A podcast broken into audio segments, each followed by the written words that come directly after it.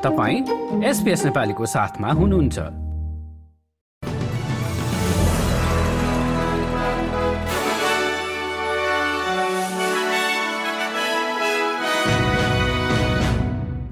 नमस्कार श्रोतावृन्द एसबीएस नेपाली समाचारमा तपाईँलाई स्वागत छ। म हुँ दिनिता।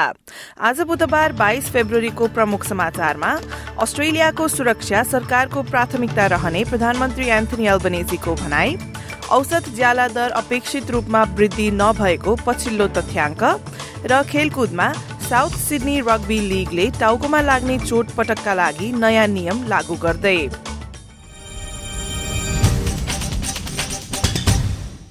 अब समाचार विस्तारमा।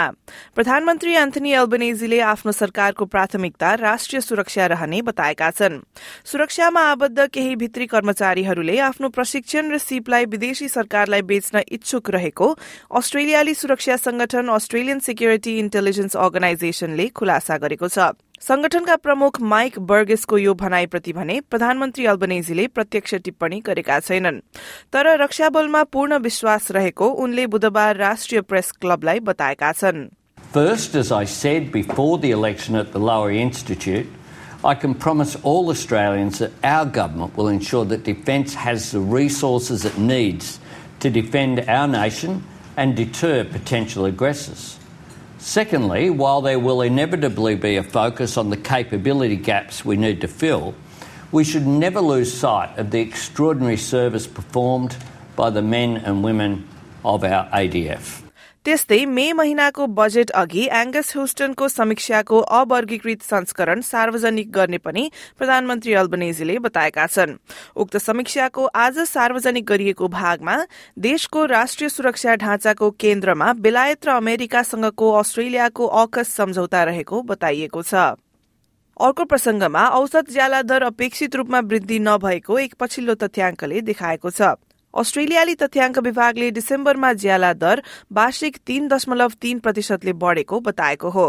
यसरी ज्याला वृद्धि भए तापनि गत बाह्र महिनामा सात दशमलव आठ प्रतिशत बढ़ेको मुद्रास्फीतिका कारण मानिसहरूको खर्च झनै बढ़ेको छ।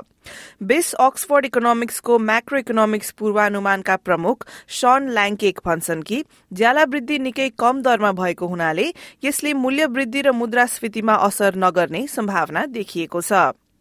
अब क्वीन्सल्याण्डतिर लागौं जहाँको राज्य सरकारले सांसदमा एक कानूनको प्रस्ताव राखेको छ जसले राज्य सरकार र आदिवासी तथा टोरेस्ट्रेट आइल्याण्डर समुदाय बीच सन्धिको मार्ग निर्माण गर्न सक्दछ।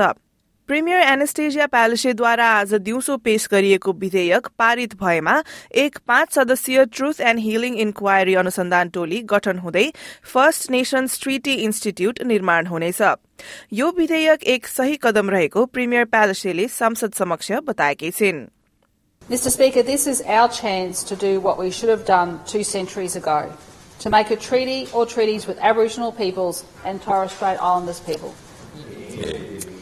Mr. Speaker, there are rare moments in time, perhaps just once in a generation or even once in several generations, where we have an opportunity to be true agents of change.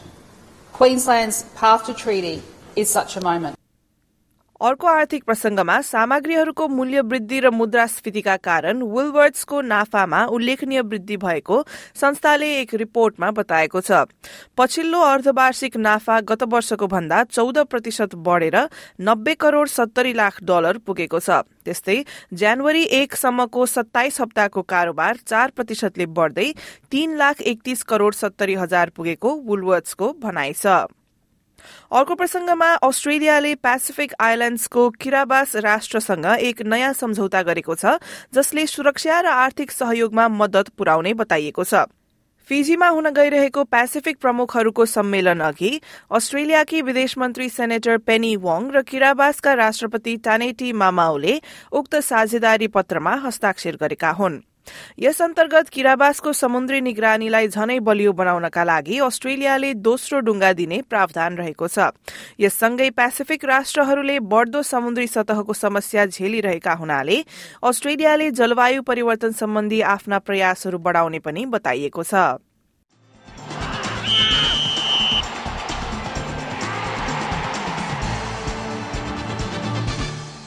अब आजको खेलकुद समाचारमा रग्बीलाई जोडौं। South सिडनीको junior टोलीले टाउकोमा लाग्ने चोटपटकका लागि नयाँ नियम लागू गर्ने घोषणा गरेको छ। क्लबले यस्ता टाउकोमा लागेको चोट र त्यसका प्रभावलाई मापन गर्न सक्ने प्रविधि न्यूरोफ्लेक्सको प्रयोग गर्न शुरू गर्ने बताएको छ।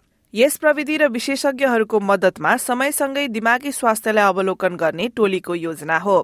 साउथ सिडनीले बाह्र वर्ष र त्यसभन्दा माथिका आफ्ना सबै खेलाड़ीहरूको परीक्षण गर्ने बताएको छ।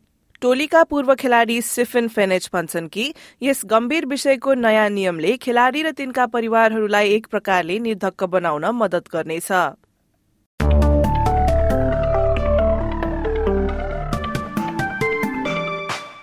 अब लागौं भोलि बिहिबारको मौसम सम्बन्धी विवरणतर्फ। भोलि पर्थमा घाम लाग्दै अधिकतम तापक्रम सत्ताइस डिग्री एडिलेडमा अधिकांश समय घाम लाग्दै चालिस डिग्री मेलबर्नमा बादलहरू हट्दै तेत्तीस डिग्री होबार्टमा आंशिक बदलीका साथ अठाइस डिग्री क्यानबेरामा बादल लाग्दै चौबिस डिग्री त्यस्तै मौसम रहने वलोङ्गङमा तापक्रम तेइस डिग्री सिडनी र न्यूकासलमा आंशिक बदलीका साथ तापक्रम क्रमशः पच्चीस डिग्री र छब्बीस डिग्री ब्रिस्बेनमा पानी पर्दै अठाइस डिग्री केन्समा पनि पानी पर्दै तापक्रम तीस डिग्री र डार्विनमा पानी पर्दै आधी बेरी आउने सम्भावनाका साथ अधिकतम तापक्रम भने तीस डिग्रीसम्म पुग्नेछ। हस्त यसका साथ आजको एसपीएस नेपाली समाचार यति नै। स्वस्थ रहनुहोला सुरक्षित रहनुहोला। नमस्कार।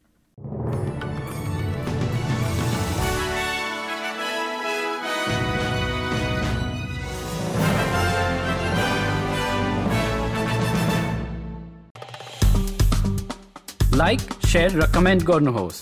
एसपिएस नेपालीलाई फेसबुकमा साथ दिनुहोस्।